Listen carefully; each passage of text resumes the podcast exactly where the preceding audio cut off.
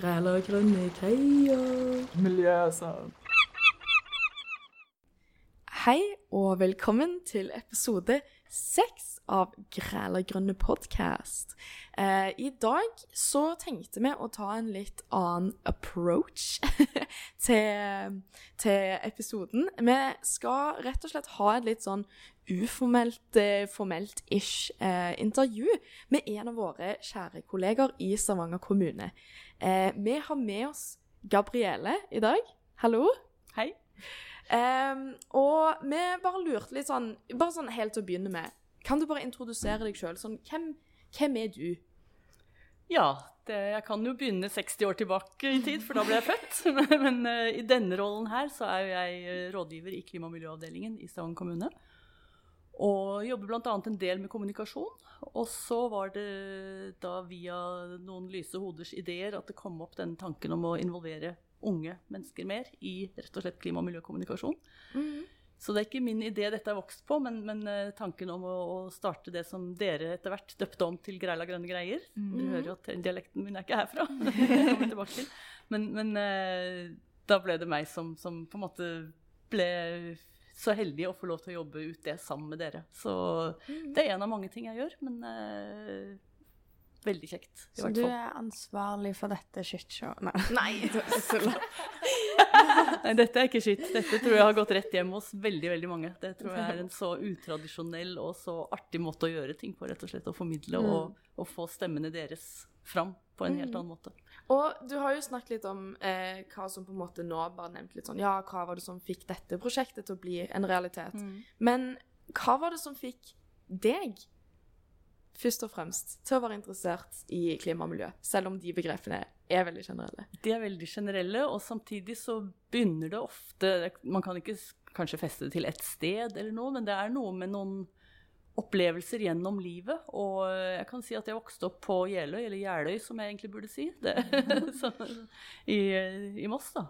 Og hun hadde en mor som var fra Tyskland. Og uh, det er vel en sånn blanding av at eh, altså Jeløy er kjent for å ha et kjemperikt artsmangfold. Det er sånn, eh, noe av det mest varierte og sånn varmekjære vekster og sånt som bare finnes der. Mm. Veldig spennende rett og slett å gå disse skogsturene og sånne ting.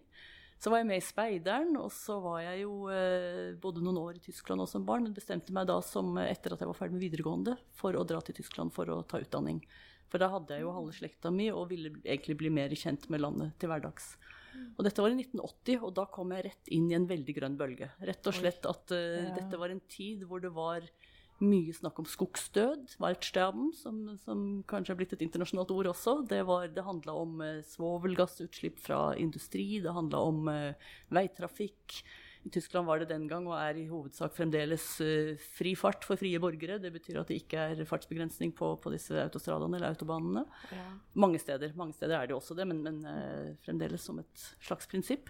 Uh, det var veldig mye debatt om det, og så var det mye politisk engasjement rundt bl.a. dette med opprustning. Dette var jo ennå den kalde krigens tid. Vi snakker begynnelsen av 80-tallet. Mm. Det var lenge før muren skulle falle, og det visste man ikke da. ikke sant? Ja. Så så det var liksom et engasjement Atomkrig var faktisk en reell trussel, ikke sant. Og, og yeah.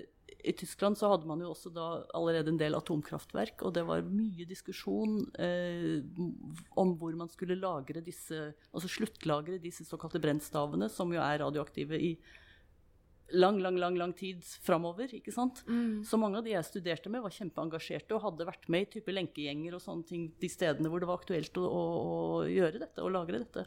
Ah. Så det, det, kom på en måte litt sånn intravenøst, nærmest. Og så studerte jeg også sosialt arbeid og sosialpedagogikk, som jo handla mer om mennesker, men som også var en sånn veldig sånn samfunnsbevisst gjeng, da, for å si det sånn. Mm. Mm. Så, så, der tok jeg nok uh, mye med meg. Og så gikk det litt til fra det Altså jeg var ikke veldig politisk engasjert på den tida sjøl, men, men, på det personlige planet så kom det mer sånn med lokalmatbutikker. Jeg sykla fire-fem kilometer med en liten pose med sånn bioavfall, altså potetskrell og, og, sånne ting, til en butikk hvor de solgte mat sånn direkte fra jordet til bordet. Mm. Og hvor de også tok imot av dette til å lage kompost ut av. Og, så, så det, det, ble liksom sånne Ja, det var mange grønne ting på gang. Og, det, de, Grønne som parti var jo også allerede uh, på vei oppover da i, i Tyskland, eller var etablert i hvert fall. Så ja, det er litt av, av starten, i hvert fall. Og det er De Grüne, sånn? De grunne, ja. Ja, grunn, der. Mm. Men eh, hva by i Tyskland studerte du? Jeg bodde i Kassel, og som den gang lå så Hvis du tenker nord-sør, så ligger det omtrent på midten. Hvis du tenker okay. øst-vest, så lå det den gangen nokså klint inntil grensen til DDR. Oi, Det er. Vest-Tyskland og Øst-Tyskland ennå, ikke sant? Ja. Nå ligger det midt i det gjenforente Tyskland, for å si det sånn. Mm. Ok, Mm. Så du var bare personlig det, det falt deg bare naturlig å være klima...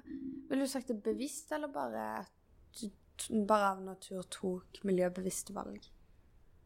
Det, ja, det er vel litt sånn at uh, bevissthet og uh, personlig engasjement sånn, det vokser litt fram. Altså, jeg tror det påvirker hverandre. At jo mer du hører, desto mer tenker du. Jo mer du tenker, desto mer gjør du. Jo mer du gjør, desto mer kunnskap skaffer du deg. Altså, det er litt vanskelig. Du, du kan, eller kanskje mer sånn litt sirkel, litt uh, lineært, holdt jeg på å si. Yeah. Sånn, Du kan ikke si at uh, det ene er årsak, det andre er virkning. Men, uh, men alt dette har vært med å påvirke på et eller annet vis. Og så gjør man noen valg i livet sitt. Yeah. Og et av dem var jo at på et tidspunkt da hadde jeg vært annet også i Canada i et halvår i, i praksis som sosialarbeider. Men det var vel da jeg fikk det for meg at jeg ville tilbake til Norge.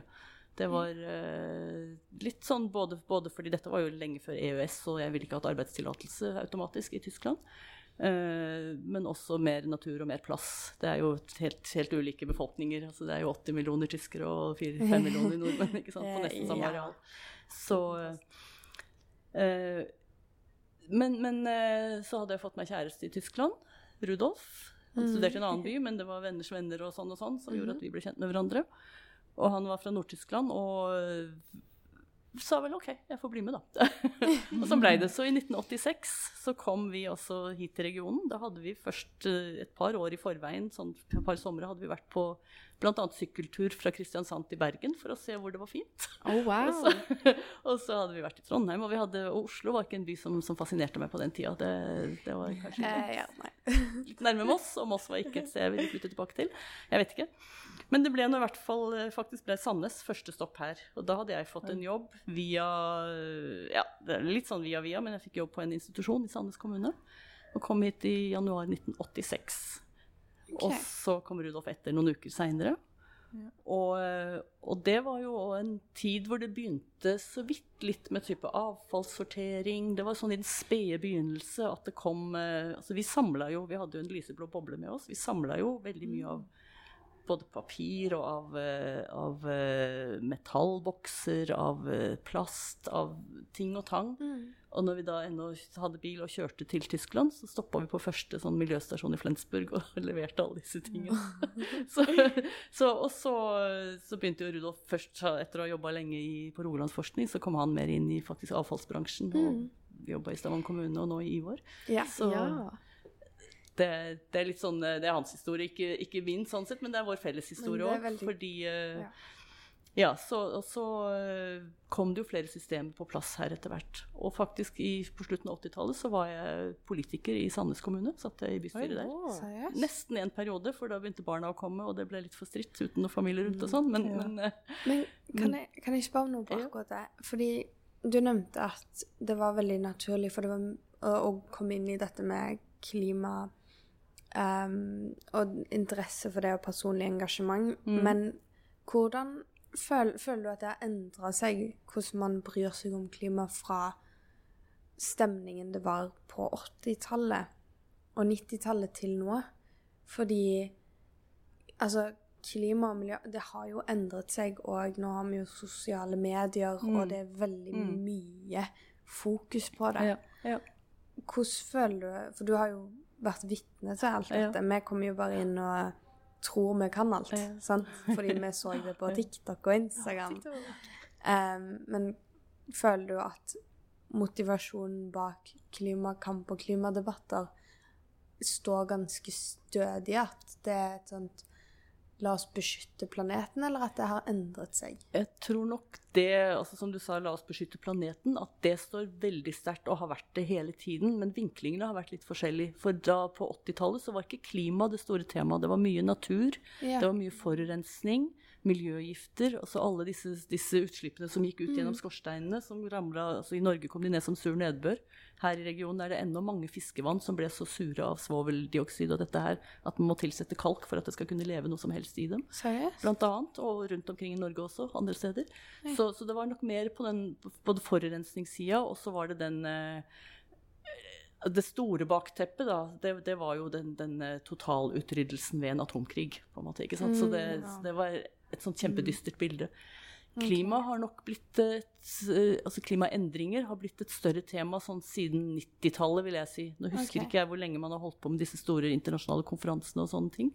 Men, men eh, eh, etter hvert så begynte man jo å registrere at det endra seg, og det ble mer synlig med endringer. Blant annet så har jo en del vintersportssteder i Alpene har jo i, i flere tiår allerede merka at det blir vanskeligere og vanskeligere hvis du ligger under 1000 meters høyde Ja. og har nok snø om vinteren Ja. til å drive dette. ikke sant? Og, Mm. og det med at havet stiger, har man jo sett mer og mer dokumentert. ikke sant? Så det, det har jo de siste 30 åra, vil jeg si, i hvert fall, så har det vært mye oppmerksomhet rundt det. Ja. Eh, kanskje litt på bekostning av de andre miljøutfordringene. At det har vært eh, litt mindre oppmerksomhet rundt type forurensning, miljøgifter. Mye av forurensningen fikk man internasjonale avtaler på. Man, eh, altså det ble, ble mindre utslipp av disse svovel og andre, andre veldig skadelige ting. Det var en periode som eh, ozonhullet var et stort tema. Jeg vet ikke om Mm, det er noe ja. som Ja, det var, var vært en veldig deres stor tid. greie i vår barndom. Stemmer, ikke sant? På skolen. Ja, Alltid sånn der med- Og CO2 og det hullet hull i det ja, laget. Ja. Ozonlaget, ja. For det handla om eh, såkalte KFK-gasser, altså klorfluorgasser, som er, eller var i spraybokser og i ganske mange sånne ting. Kjøleskap, Ja. kjøleanlegg, sånt noe. For, fordi en ting jeg merker at vi bare av natur har mye fokus på nå, er sånn konsum og forbruk. Mm. At det er liksom det vi tar for oss først. Ja. Og så når det nevnes med sånn klimagifter og Ja, gasser ja. jeg, sånn Det eneste jeg husker at jeg leste i naturfagboken, at tundraen varmes opp Mm. og slipper ut gasser, og Mm. at det fremskynder prosessene. Og det skremte livskytten ut av meg. Men jeg, jeg kan ikke så mye mer, for å være helt ærlig. Men jeg lurer på en ting, fordi jeg har hørt at det liksom For jeg tenkte lenge at ozonlaget var liksom det global oppvarming var. Mm. Men jeg Ja. begynner jo å innse at det på en måte handler mer om temperatur og liksom Riktig. endring i naturen og sånn. Er det med ozonlag Er det veldig viktig? For jeg føler jeg har hørt at det ikke ja, egentlig for det er liksom- så mange ting, og jeg skjønner godt at det er forvirrende. fordi ja. altså, det er veldig vanskelig noen ganger å skille disse begrepene på hva er forurensning, hva er miljøgifter, hva er klimaendringer. Mm.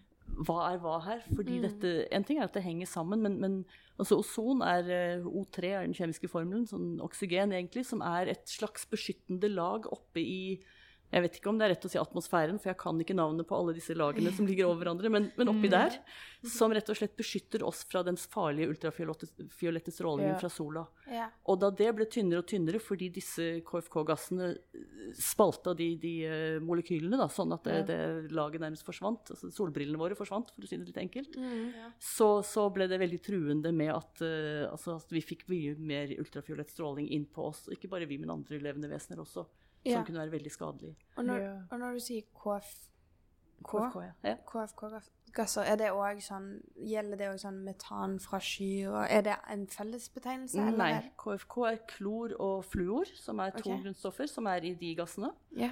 Mens eh, metan er f.eks. Eh, altså det er karbon og hydrogen. Og det er altså bl.a. når du nevnte tundra i stad, så, så er Mm. det lagra i OK. type jordmasser eller i uh, Altså i, i uh, organiske produkter. Da, ting som inneholder karbon, okay. kalles for, for organiske produkter. Ja, for Men så er det når tundraen da smelter, mm. eller tiner, så vil veldig mye av det bli frigjort. Og det vil komme ut som, som altså bli spalta ned til bl.a. CO2 ja. og, og gi disse, den drivhuseffekten. Og metan i seg sjøl er jo også en såkalt drivhusgass. Så drivhuseffekt er noe annet enn ozonhull, Mm. ikke sant? Som igjen er noe annet enn miljøgifter. Sånn Ja. at det er, det er mange ting her. OK, jeg har, jeg har ett spørsmål til akkurat Ja. det.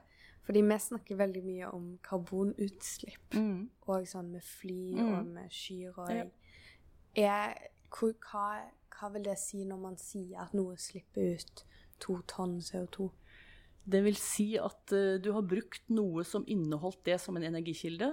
Altså okay. hvis, du, hvis du tenker at olje og, eh, og naturgass og disse stoffene de har oppstått gjennom millioner av år. Og det er organisk materiale. Det er blader, trær, døde dyr. Alt dette som har blitt pressa sammen. Så den olja vi finner i Nordsjøen nå, det var en gang tørt land som da ble altså Etter hvert så ble det avleira, og så kom det nye lag oppå, og så har det pressa ned. Og gjennom alle disse millionene årene så har det blitt omdanna til noe enormt energirikt. Med masse karbon og, og oksygen i det. Eh, og metan og andre stoffer, og jeg kan ikke hele kjemien i, i dette her, men, men uh, Og så er det det at når vi henter ut det, så bruker vi det som energikilde til å varme opp til, til eh, motorer, til brensel, hva det måtte være for noe. Som jo gir nettopp altså, den energien som motoren eller hva det er, trenger. Eller den varmen vi trenger i huset vårt. Men da svir vi det av så vanvittig mye raskere enn det ble danna. Så det er hovedproblemet.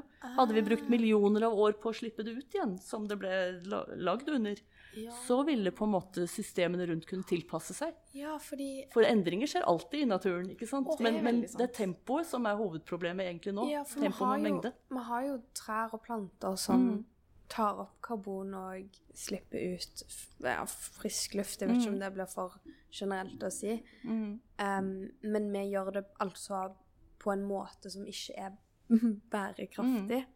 Ja. Fordi vi forbruker og bruker for mye av dette for fort. Ja. OK. Og det fører til den globale oppvarmingen. Fordi eh, altså dette med karbon som da Det blir høyere konsentrasjoner i lagene over oss Ja. enn det skulle ha vært. Og som på en måte altså Vi snakker om drivhuseffekt, det er et ord dere helt sikkert har hørt. Og det handler jo om at uh, varmen fra sola kommer inn til oss. Og så blir den sendt ut igjen. altså F.eks. en klar, klar natt, så vil, vil, eh, vil det forsvinne ut igjen. Ja. Når det er skyer, så er det mye varmere om nettene. Det har merka. Da, da holder på en måte det laget igjen. Ja. Og litt sånn er det med, med CO2-mengden. At det rett og slett Jeg er litt på tynn is her men, men, men, eh, med å forklare det. Men, men poenget er at du får ikke den utstrålingen så sterkt som du burde ha hatt. Fordi Ja. det er endra kjemi oppe i, i de høyere lagene. Ja. Og dermed holdes varmen inne. Vi trenger drivhuseffekten, ellers hadde det vært sånn var det minus 12 eller minus 18 grader på kloden. Da kunne vi ikke levd her. Men vi trenger ikke de mengdene. Men er det, er, fungerer det litt som et sånt teppe? At det liksom blir såpass tett med gasser at, kommer, at varmen ikke kommer seg gjennom, på en måte? Siden du sa dette med, med, med skyer, at når det er skyer, skylag, Ja, så kan det være varmere. Når det er skyer, så vil jo varmestrålene fra jorda de vil ikke gå bare ut i det uendelige. De vil på en måte fanges opp av det kompakte vannet og gassene som er der. Teppet vet jeg ikke om, om, om det går an å si det sånn, men, men illustrert sett, ja. Altså at det er, det er på en måte ikke ett definert lag, ikke sant. Så, men, men det er mengden totalt som gjør det. At, at det ikke, ikke stråler ut så mye som det stråler inn, da. Og dermed så, så forrykker vi rett og slett temperaturbalansen. Ja, Og våre, altså alle vi som lever her, om det er mennesker, dyr, planter, vi er jo tilpassa nettopp det klimaet som er nå. Det er jo det vi har klart å vokse fram under. ikke sant? Så den ubalansen skaper jo alle disse naturkatastrofene. sånn. Og særlig hvis det går raskt. Altså nå, Ja. nå vet jeg ikke hva man har konkludert med med dinosaurene, om det var en uh, meteor eller hva det var. Men, men uh, sånn type plutselige endringer, om det kommer en istid eller om det kommer en uh, forvarmtid, så vil jo arter forsvinne, og nye arter vil komme til. Ikke sant? Og, men nå er det så tydelig at det er ikke bare en del av den naturlige sirkulasjonen, men det er også en god del som vi har påført sjøl.